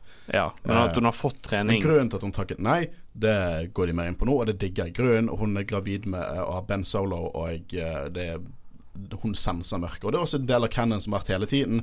Ben Solo har alltid vært problematisk, og de har senset det fra ung alder. Og de, de opprettholder canon. Jeg digger det. Eh, og jeg, hun eh, har jo wayfinderen til Kylo, finner hun ut. Mm. Og vi får se en du vil ha, Luke som løfter opp eh, X-ringen sin. Han bruker kraften til å løfte backsvingen. Akkurat samme som skjer i episode Empire Strikes Back nummer fem, når Yoda løfter den opp og Duke ikke kan. Men nå viser han at han, han kan det! Han har kraften i seg, med samme musikk òg. Love it! Uh, og uh, man kan jo kritisere om det, det vraket er fortsatt uh, flyverdig, men altså, ah, Kim bryr seg. Helt ærlig talt, bryr seg. det, det er visst mange som gjør det. Jeg er ikke en av dem, men det er mange som gjør det. X-Wing, ikke de vant tett, da? Jo, hvem vet? Ja. Rust, er, det, liksom, er det rust på Durastil? Vet dere om det er rust på Durastil? Hvordan ruster Durastil? Uh, nei. Vi er faen så nerdete jeg er, men vi fortsetter. hun reiser mot uh, Exegol, og hun lager dette er morsomt, for de fant jo alt den Sith-informasjonen gjennom dolken, og det er C3PO som tolker dolken, og så sier han sånn 'Jeg vet akkurat som står her, men jeg kan ikke si det til dere'. Hvorfor ikke? Jeg har ikke lov til å si det til dere. Det er imot programmeringen min. Det er bare sånn God damn it, CPR! og så blir jo Chewie kidnappet med kniven og hele pakken, og, de, de har, og han sier sånn Å, den er vekke. Nå er det bare i minnet mitt. det er så morsomt. Og så finner de De finner ut at de må på en måte droid-hacke Nå hopper vi litt fram og tilbake, men de må droid-hacke han da med en liten, liten kul alien som heter Babu Frick på Kijimi. Elsket Babu Frick. Og her får vi også møte um, hva var det hun heter? Gamle love interesten til, uh, til Poe. Uh, sorry, sorry, tror jeg. Sorry, ja. Spilt av Kerry Russell. Ja, og hun var lite med i filmen, men oh, faen, jeg digget hun. Og det, hun var det jeg har snakket om alle disse filmene, ikke prequelsene, for good Guysen er ganske badass design. Men endelig får vi en good guy kinda. Hun er fortsatt sånn scum and villain i Bounty Hunter, da, men hun jobber for uh, Hun uh, kjemper for resistansen på slutten av filmen, og hun ser badass ut. Hun har badass rustning, som to revolvere, litt sånn uh, Jango Fett-esk Bounty Hunter. Digger det. Endelig får vi det. En skikkelig kul Bounty Hunter. Det er nesten sånn at jeg har så sykt lyst på en actionfigur. Jeg har så sykt lyst på en actionfigur Jeg syns det var dritkul. Og jeg digget at vi fikk litt mer innblikk i Poe sin fortid, eh, og dialogen der. Sånn, han var visst en spice smuggler før, og jeg antar at det er Star Wars-narkotika. Narkotika. Oh, jeg ganske sikker på at det er det. Det er ikke krydder, liksom. Ikke sånn, krydder, er det, er sånn det, er ikke, det, er ikke, salt og pepper? Nei, nei, det er ikke sånn Jeg smugler salt og pepper. Nei, jeg er ganske sikker på at det er spice er narkotika. Ja. Så Spice Mines på Kessel er rett og slett Ja, bare, ja, det er det. Det er narkotika. det er skikkelige bad guys nede der. Ja, og det som er morsomt, er jo det at, uh, at når, når, de bare sånn Du var en Spice-smugler. Var du en Stormtrooper? Var du en skraphandler? Vi kan holde på med dette hele dagen. Jeg digget dynamikken mellom de tre. Jeg elsket dynamikken mellom de tre. Det har aldri vært så bra før. Det var dette jeg ville ha uh, av dynamikk i egentlig Last Jedi, selv om jeg elsker Last Jedi. Men det var det jeg ville ha den dynamikken. Jeg fikk det i denne filmen. Uh, og de på en måte løser opp koden som er i C3PO, og sletter minnet hans mens, uh, mens, de gjør det. Vi har også fått introdusert Dio. Jeg har ikke så mye mening om Dio. Han var søt. Jeg likte den derre No thank you. Hey, squeaky wheel, squeaky wheel. Uh, og han, han, gjør ikke så mye i filmen, men han er en viktig del av filmen senere. For det er jo pga. han. Han var jo en del på det, De fant han på det skipet med, med, til han Jedi-hunteren som drepte foreldrene. Og de skal uh, På den måten finner de ut hvordan de kommer seg til Exegol og hele pakken. Eh, altså resistansen etter at Ray allerede har dratt dit. Uh, og på Exegol er jo den hele den flåten, og Ray kommer dit. Og vi får alt dette med seremonien, at Palpatine vil at de skal kutte henne ned. Eller han skal, kutte, hun, han skal kutte ned og hun sånn han kan leve i hun, og det er latt, de trekker inn for Legends. De bare tar små gullkorn fra Legends og gjør det canon. Det er nydelig. De gjør The Sith så mye mer mystisk og evil og elemental, og jeg digger det. Det funker, syns jeg. Uh, og jeg, um, hele denne flåten har jo sånne alle har en Death Star-kanon, basically. Hver eneste Star Destroyer kan ta ut en planet.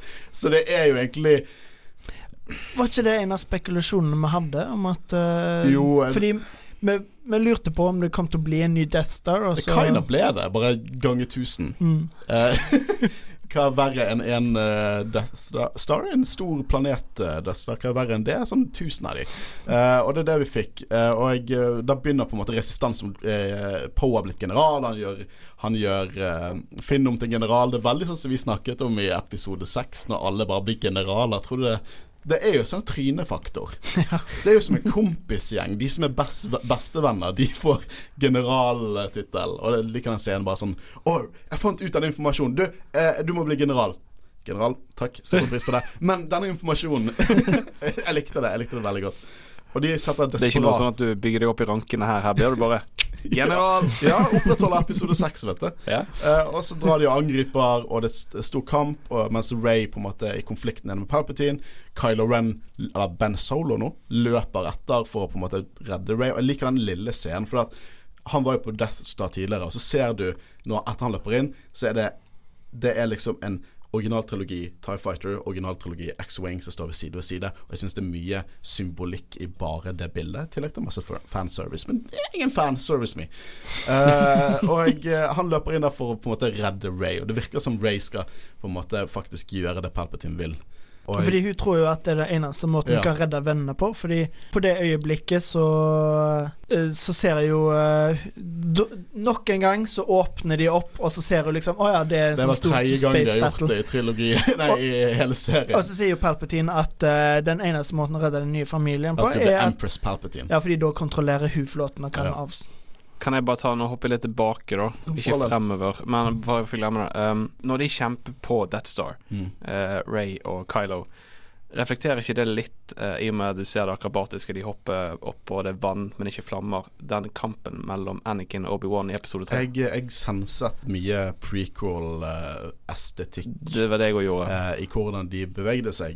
Og jo, det, det, god, det, synes jeg er en god analyse av det.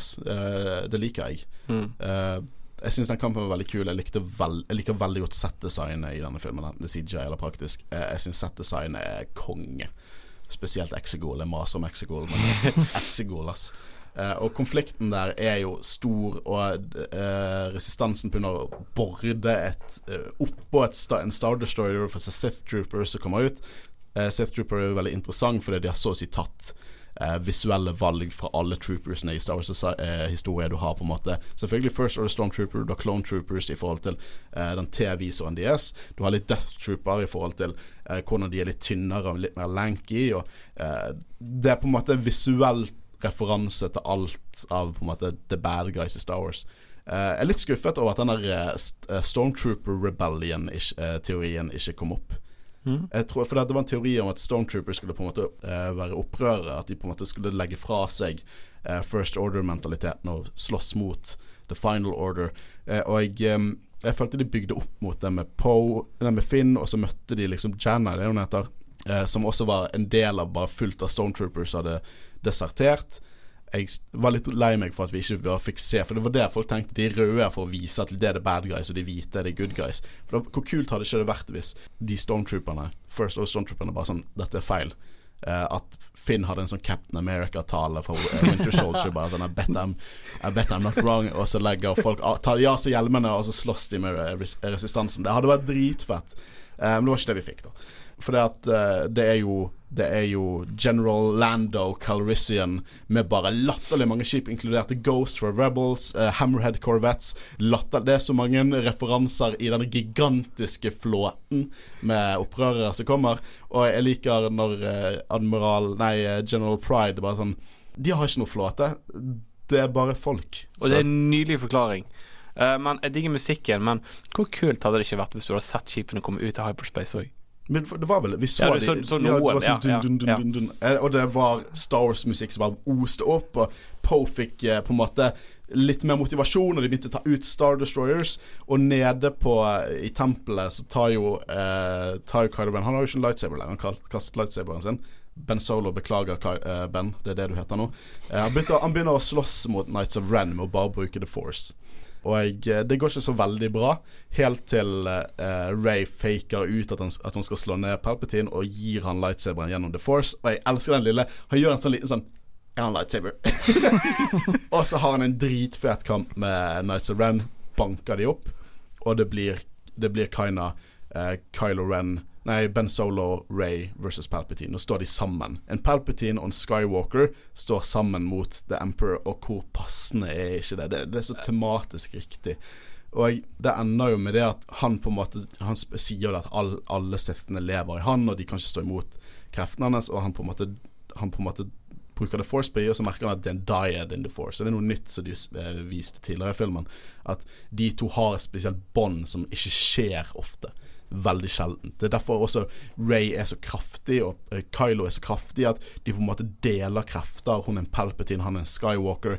De på en måte er én i The Force, som gjør at de er mye kraftigere, og det syns jeg er en veldig grei forklaring på, på Ray sine krefter. Og Palpatine var ikke klar over dette, så han gjør det, og så bare tenker han å ja, men da kan jo jeg komme tilbake igjen, da. uh, så han så stjeler livskraften deres. Og um, kommer tilbake igjen. Plutselig har han en sånn skikkelig swag, rød, eh, rød skjorte med, med, hette og gule øyne. Han ser ut som Palpatine fra episode 6 og bruker Force Lightning på hele flåten over. Latterlig mektig. Men tror ikke du på en måte at uh, hvis det hadde gått på andre måten, og Ray hadde slått han ned, at han hadde på en måte et overracing kropp? Uh, jeg, tror ikke, jeg, tror ikke, han hadde vært super til stede. Sånn som han sier at alle sittende lever i han så vil alle Sith når han lever i hun. I Ray, ja. Jeg tror der blir det mer sånn De, de er på en måte ikke det fortsatt, vil si at det er fortsatt Ray som styrer med det livskraften og sånn er i, i, i, Ray på den måten, og i hans blod er fortsatt liksom på toppen. Empress mm. Palpatine, for han vil jo ikke ha Kylo, han vil ha Empress Palpatine. Eh, det er det hun vil ha, sant? Du òg? Ja, jeg vil ha hun. Så du tror at uh, når han sier i begynnelsen av filmen til Kylo at uh, Kylo skal drepe jenta for, for, at Kylo skal bli emperor. Tror du det egentlig bare er for å fremprovosere at Ray kommer til Palpatine? Ja, jeg tror det, ja, jeg tror, jeg tror det er manipulering til de grader som passer veldig godt karakteriseringen som er Palpatine. Det er vanskelig å si hvordan det er, da, men det er min analyse på det. Men det var det samme som jeg sa i Revenge of the Sith han, altså, kalkulert risiko. Han tar sjanser òg. ja, absolutt. Men han er så arrogant og selvsikker at han er sånn Er det sjanser, egentlig? Han teller kort på et kasino, for å si det sånn. Ja. og eh, Så han finner ut at de to er indicted force. Han, trekk, han på en måte finner ut at da kan han på en måte deres kraft Og det er liksom dubbeditt av hvordan kraften fungerer. Det, det, det, funker. Uh, og han kommer tilbake og bruker Force Lightning som en gud, bokstavelig talt, og bare begynner å ta ut Rebel Sheep som faen. Uh, Kyle, uh, Ben reiser seg, og så tar han og bare flikker han ned et hull. Og vi vet jo hvis noen faller i en Star Wars-film, så er de ikke døde. Nei. Og uh, Ray våkner opp til stemmer. Og han, hun hører Soka og Anakin og Obi-Wan og Kiadi Mundi. Sikkert Kit Fisto der inne. Colgate-smil er sikkert der inne. Uh, Mace Windu, Quaigon.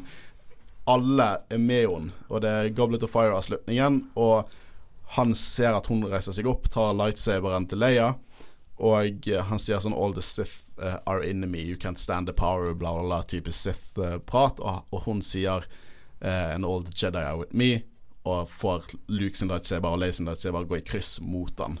Uh, dreper han litt antiklimaktisk. Han dør av sin egen Force Lightning, og um, Det var nesten det som skjedde i episode tre òg. Ja. Og han, han disintegrator. Liksom The Mandalorian hadde vært stolt uh, over Ray der. Uh, og jeg, hun på en måte ser at, at Star Destroyerne begynner å gå ned, og at, at de har tatt ut kommandoskipet. General Pride sitt skip dør, dessverre. Stakkars General Pride. Han var sikkert min favorittkarakter i hele denne filmen. Og The Good Guys vinner, og hun dør. Helt klart fordi hun har brukt så mye force Litt sånn som Luke dør. Kylo er Nei, Ben Jeg klarer ikke å si navnet. Ben Solo er jo ikke død, så han dukker opp og, og finner henne. Og så å si bruker The Force til å på en måte ofre seg sjøl for å få henne tilbake igjen. Og jeg, folk kan si at Folk mener at å nei, du, de, de tar vekk liksom The Chosen One-tittelen fra Anakin. Men sånn som vi vet det Vi har jo eh, gått dypere inn i canon at Chosen One er et veldig løst begrep. Og du har denne balansen som hele tiden går opp og ned. sant? På denne måten er at The Chosen One kan virkelig leve gjennom flere. På et tidspunkt så trodde jo de at det var Luke som var den Chosen One. Og du kan også si at han var en del av The Chosen Ones. At det ikke nødvendigvis er bare Anakin. Jeg tror at hele Rise of Skywalker omhandler denne lineagen. Jeg vil nesten si at Ray er en del av den lineagen. Uh, hun tar jo navnet Skywalker. Det handler ikke så mye om blod, men The Chosen Ones. Jeg, jeg synes ikke det tar vekk Anakin sin reise, dette her. Det, men det er bare fordi at jeg har fått så mye canon eh, fra bøker og tegneserier og Clone Wars og Rebels om hva det vil si å være The Chosen Ones. Det er ikke så bokstavelig som folk ser på det. Nei, altså profetier er løse. Du skal ikke Det er mer enn én en betydning. Ja, det er George Jeg sier ikke dette Game of Thrones-kvalitet. Eh, bokserien, altså, ikke sesong åtte. Eh, eh, men eh, det det er et løst begrep. De sier til og med i prequelsen at de kan ha feiltolket det. Mm. det. det. er ikke noe som jeg syns folk skal tenke så bokstavelig på det. For folk tenker veldig ofte bokstavelig på Star Wars, og det er en fantasy. Mye mer fantasy enn det science fiction. Du kan bytte ut skip og planeter med hester og kjerrer og uh, ulike slott, og så har du samme historien. Science fiction-del spiller ikke så mye rolle. Det er liksom det magiske og mystiske med The Jedi, som i hvert fall er sagafilmene handler om. Og jeg synes at Vi får høre mye Hayden Christian som snakker 'Bring balance like I once did'. Jeg, jeg synes det er et godt øyeblikk. Jeg virkelig digget det. Og jeg, Kylo på en måte gir liv i henne tilbake igjen. Og folk tenker litt sånn 'Å ja, men det var jo det Anakin ville ha, men han klarte det ikke'. Men jeg bare synes at Anakin vil ha det på en måte Helt sikkert på en annen måte, men også gjennom The Dark Side. Anakin ville ha kaken og spise den også. Mens Kylo ofret seg for å på en måte gi liv tilbake igjen til en person som nettopp døde. Ja, altså, eh, for min del så gir det meg mening at Ray overlever, men på den måten som at Ray eh, reddet eh, Ben Ben Veldig bra. reddet Ben eh, på Death Star, eh, selv om han òg drepte han. Eh, så tar han på en måte og gjør tilbake tjenesten. Ja, jeg, jeg syns det er veldig passende, og det virker at han har redeemet seg. Mm. Og jeg tilbake, kommer tilbake, jeg elsker det, smilet de hverandre, så kysser de. Uh, når, eh, når, det skjedde, så var det Jeg hørte et par i kinosalen som bare sa sånn Kom an. ja, og første gang jeg så det, så, så tenkte jeg liksom Jeg tenkte det samme, at det var ikke det jeg ville ha. Men, ja, men er det så galt? For at de har jo på en måte knyttet det der båndet gjennom kraften. Det var akkurat det jeg skulle si. Vi har jo sett uh, helt siden Last Jedi at de har et sterkt bånd. Ja. Sånn som når de uh, tok på hender og hadde det fine øyeblikket. De, de, har hatt et sterkt bånd, og altså, Jeg liker at du faktisk det, ja, men, viste det. Ja, For alt vi vet, så har de hatt flere sånne Force Connections mellom filmene, og vi hadde ikke trengt det, men uh, men det er så ja, ja, jeg har smiler, og så bare dør han. First base. Men jeg har ikke noe imot at jeg kjøper det. Altså, tenk òg uh, på Leia og Luke. Dette er på en måte Hvordan de kysset, liksom. ja, men denne gangen passer det. Denne gangen gjorde det ikke det.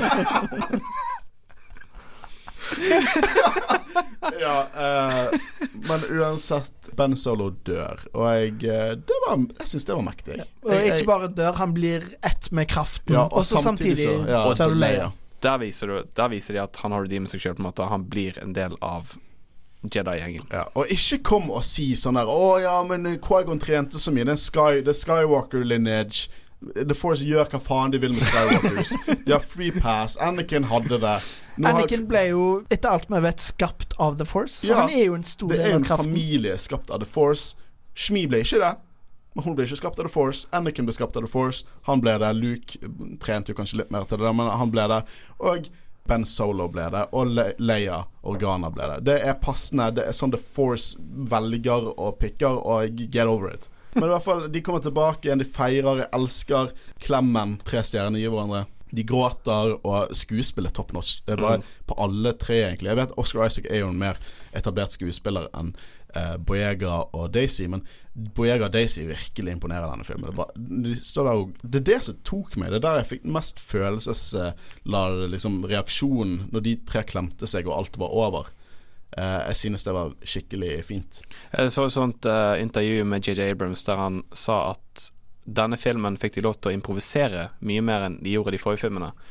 Så mye de har uh, Det kan jo være at det er det som har gjort at karakteren òg Det merker man i dialogen. Det merker det i dialogen. Ja, ja. For jeg føler at Boyega sin karakter, Finn, er jeg liker han mye bedre enn jeg gjorde de to andre. Ja, Selv om jeg liker karakteren uansett i de to første, så syns jeg han var dødskul i denne her. Jeg syns han hadde så mye potensial i de forrige filmene som ikke ble gitt, og jeg, her får jeg det jeg vil ha han tok det. Ja, ja, og jeg bare sånn i begynnelsen, bare sånn uh, racier uh, Uh, he's angry. Always!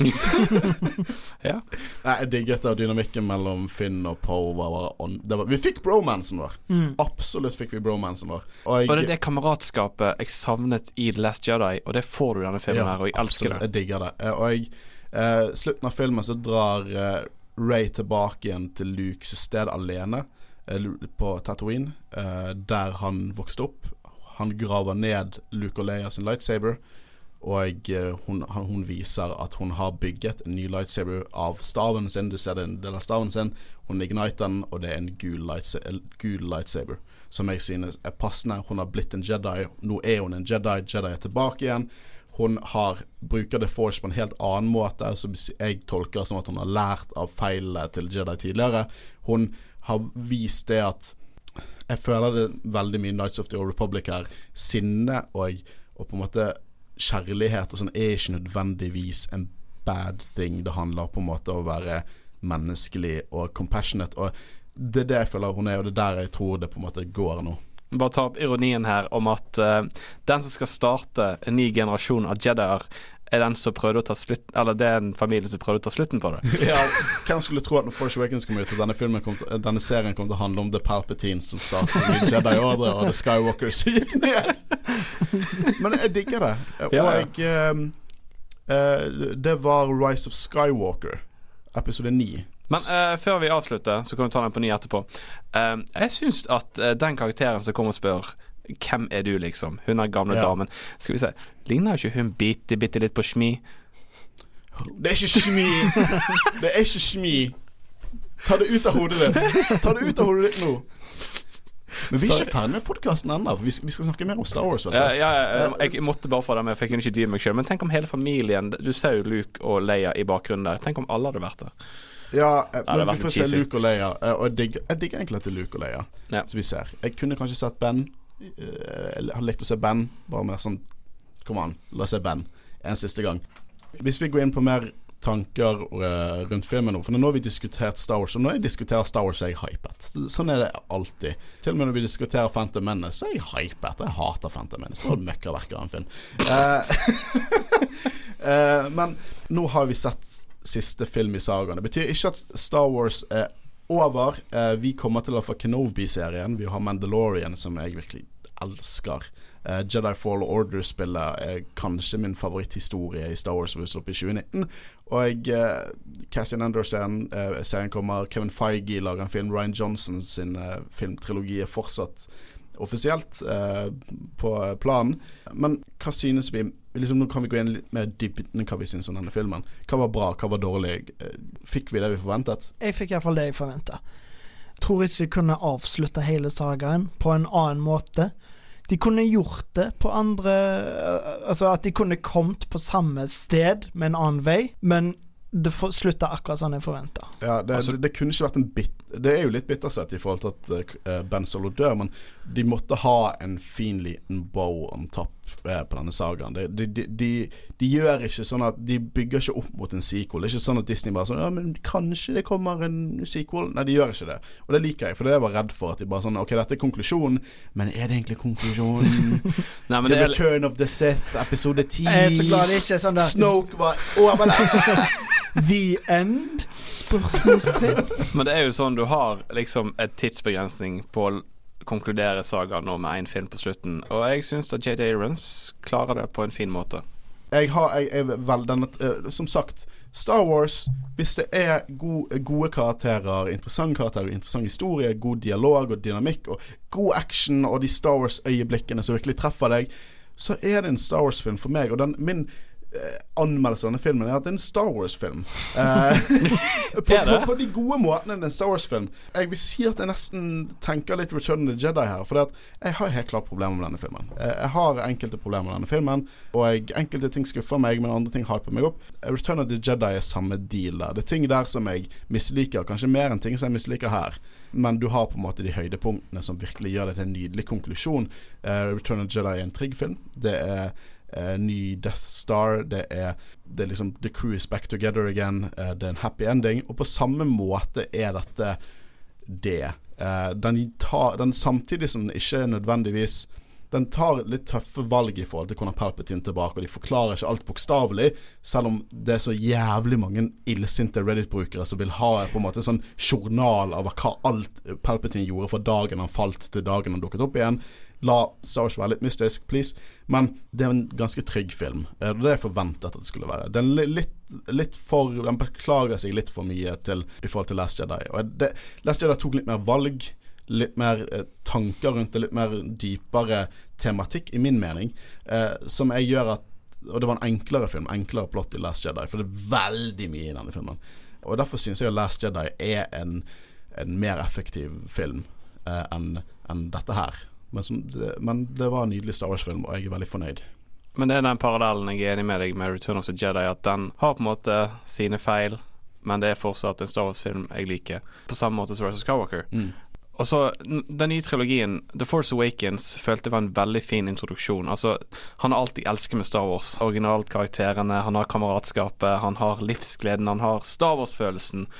Jeg mistet den litt i Last Jedi, det skal jeg innrømme. For at karakterene gikk på en måte alle sine veier. Eller ikke alle sine veier, da, men, men det er det jeg digget at de hentet inn igjen med Rise of Skywalker, er den samholdet. At karakterene, dynamikken, alt passer, kjemien. Mm. Jeg digger at, måte, at de har tatt det at denne gjengen, den er ute på ferd for å redde galaksen. Ja, jeg, jeg, jeg, har litt Jeg nevnte jo litt i går når vi etter vi hadde sett det, bare, og sto det at jeg har en ganske stor denne trilogien har en ganske stor connection Eller jeg ser på den litt sånn som jeg ser på originaltrilogien. Jeg syns originaltrilogien er Star Wars. Jeg skal ikke bli sint på meg, men Empire er min favorittfilm. Uh, og i denne trilogien er Last Jedi min favorittfilm, og begge de filmene er ganske modige, nye takes på, på, på, måte, på historien. Mørkere uh, mellomkapitler. Uh, bitter, veldig bitter, søt avslutning. Modige valg, større tematikk. In, liksom moral liksom alt de filmene gjør, er virkelig noe som gjør det til mer enn bare en Star Wars-film for meg. Uh, fordi at jeg har sagt at jeg er ikke superkritisk når det Star Wars, men de filmene er, som filmfan er de på toppen. Og med Force Awakens og New Hope, det er på en måte veldig enkle historier. Og eh, de på en måte gjenspeiler hverandre veldig fint. Jeg liker veldig godt Force Awakens, eh, og så kommer på en måte Return of Jedi og Rise of Skywalker. Begge er eh, filmteknisk litt rotete. Med eh, Return of Jedi har du liksom en helt sidehistorie. De må liksom rappe opp pga. noe de gjorde i forrige film, og hente Han Solo tilbake. Og Jabba the Hutt som ikke kommer tilbake i resten av filmen. De bare dreper Bobafett, som tilsynelatende hadde en oppbygging i forrige film. Eh, litt, rotete, eh, litt rotete filmteknisk, og så kommer du på en måte til siste del så treffer hjertestringene spesielt med, sånn, med Palpatine i begge filmene. Og det synes jeg gjenspeiler veldig godt Rise of Skywalker, filmteknisk rotete. Det er mye i én film. Uh, det Det kan hende at svarene du ikke liker svarene, eller du liker svarene for all del, men det er fortsatt en veldig underholdende og god Star Wars-film. Og den er, den er, trygg, og den uh, treffer deg i hjertet. Det gjorde det meg. Og det, jeg syns det gjenspeiler originaltrilogien ganske godt. Om det var meningen eller ikke, men min, mitt inntrykk av filmene eh, som kritisk sett gjenspeiler originaltrilogien. Og i tillegg vil jeg bare si kort at han på en måte gjenspeiler prequel-trilogien òg. Jeg føler han gjør et verdig forsøk. Siden Attack var liksom den beste. Sånn. Nei, Phantom Menace er den beste. Men uh, altså, Attack of the Clones er den verste. Vel, Vel. Debatable. Debatable. Nei, men altså, jeg mener det at uh, han har, tar for seg elementer for alle trilogiene. Så jeg føler han gjør seg verdig til å kalle seg en konklusjon. Ja, jeg, jeg synes det. Um, jeg, jeg, Håvard, du har jo ikke sagt så mye. Nå skal du heller få lov til å si noe, så skal jeg slutte å mase. Ja, nei, jeg er egentlig helt enig med det begge dere sier. Jeg føler han, han var trygg, men samtidig så, så gikk han steder jeg ikke forventa. Mm. Jeg har problemer med han. Det, det var et par ting som som de kunne gjort annerledes. Så jeg føler at uh, f.eks. den uh, karakteren til Dominic Monahan han som er med i 'Ringenes herre'. Det var bare for exposition. Ja, det var bare, bare Samme med Maskanata. Hun var praktisk effekt nå, det var litt interessant. Så det er på ingen måte en perfekt film, men jeg synes det er en verdig avslutning på Skywalker-sagaen. Ja, uh, jeg synes det også. Og jeg, jeg, må bare si at Store elefanten i rommet. Denne filmen får litt hat. Det er litt veldig mikset. Sikkert mer mikset enn det var med Last Jedi nå. Og jeg, skal ikke sitte her og si at folk som hater den, tar feil, eller folk som elsker den, tar feil. Jeg, tenker, jeg må bare si at dette er bare en film. Og folk forventer mer fra Star Wars enn de gjør fra noen annen film. Og eh, ikke vær redd for å like denne filmen. Og ikke vær redd for å hate den filmen heller, for den saks skyld. Husk at det er bare en film. Og husk at har, mange av oss har vokst opp med originaltrilogien. Og de filmene er langt fra perfekte. Uh, og jeg, det, det, jeg, sier ikke at deres feil er ikke en unnskyldning til feil i disse filmene, men de bare filmer, de også. Det, det, det, er lov å ha en mening på denne. Det er bare ikke hat på folk som har en annen mening enn deg. Det, det, bare, det, som skuffer meg mest med denne filmen, er ikke nødvendigvis filmen sjøl, men reaksjonene for. For at jeg vil bare ha litt fred i fandomen. Jeg vil, jeg, vil, jeg vil, ikke at folk skal drive og skjelle hverandre ut fordi at de har forskjellige meninger om bare noe som egentlig bare er underholdning. Nei, altså, jeg skal ikke legge Jeg er ikke noen største fan av The Last Jedi, men hvis eh, originaltrilogien hadde vært der under sosiale medier-dagene, den hadde fått ja, kraftig kritikk av ja, folk. det er veldig lett å se tilbake på det som perfeksjon, men vi vet jo at det er veldig få filmer i denne sagaen som er perfekte. Eh, I min mening så finnes det kun én film som ikke har elementer jeg hater, og det er Empire Strikes Back. Jeg hater et sterkt ord, men elementer jeg misliker, og det er Empire Strikes Back. Den synes jeg er eneste Star Wars-filmen jeg har gitt ti av ti, er Empire Strikes Back, for jeg synes filmatisk er den så sinnssykt bra.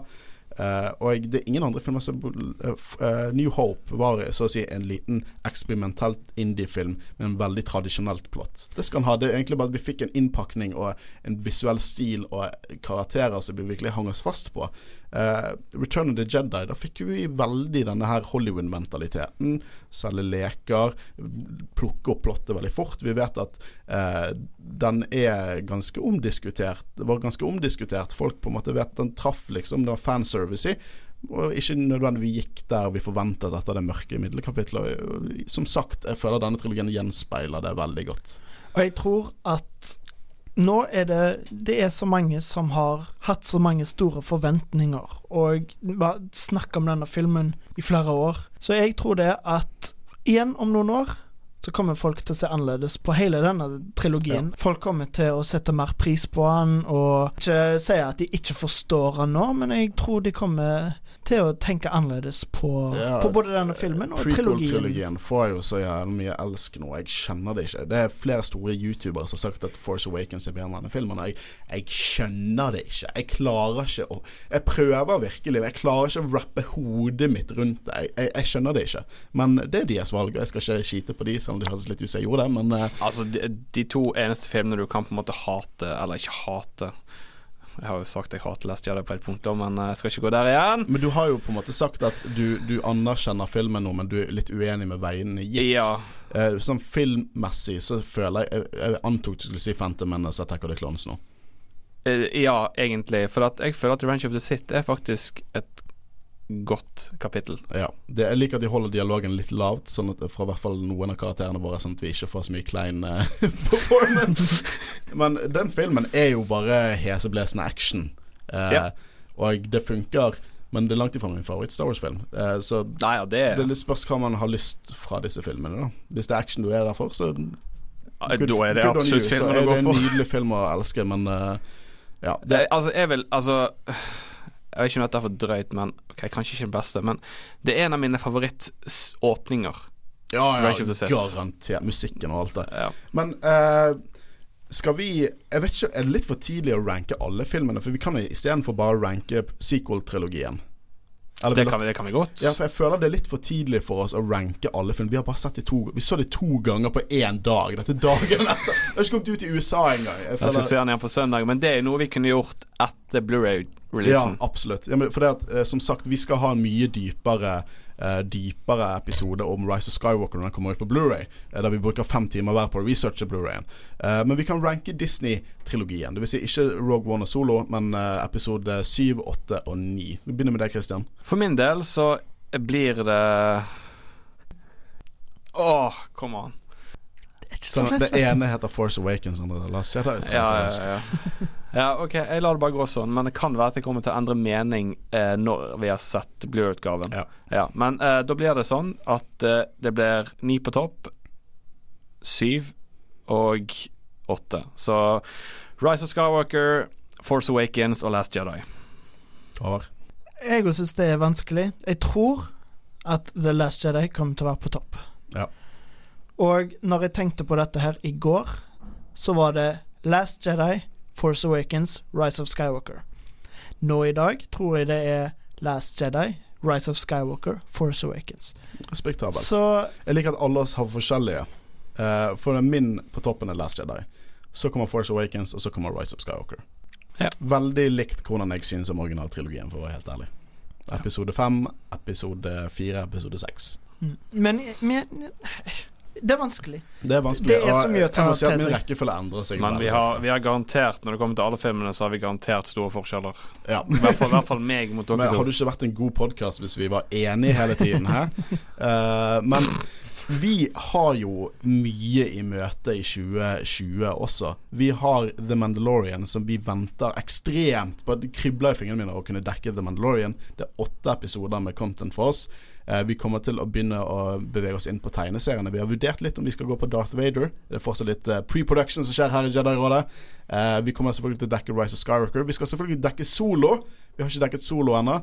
Og Jedi Fall Order skal vi dekke. Så dette betyr ikke slutten på Jedi-rådet eller Star Wars for den saks skyld. Men nå skal vi ta, endelig ta litt juleferie, og, jeg uh, ikke, jeg tenker over filmåret, eller Star Wars-året. Vi har fått tre store nye ting i Star Wars. Uh, men mitt navn har vært Håkon Øren, og sammen har jeg sittet med Kristian Haugen Aspen. Og Havaris. Og vi har vært Jedi-rådet. Vi ønsker alle en god jul, og vi vil gjerne takke alle som på en måte har fulgt oss og støttet oss. Og uh, alle andre på en måte podcaster som har gitt oss en liten shout-out, som Kinosyndromet, Hardcore, Potter-generasjon. Uh, setter veldig pris på det, og så gleder vi oss til et nytt Star Wars-år her fra Studentradioen Bergen. God jul. God jul. Ha det bra.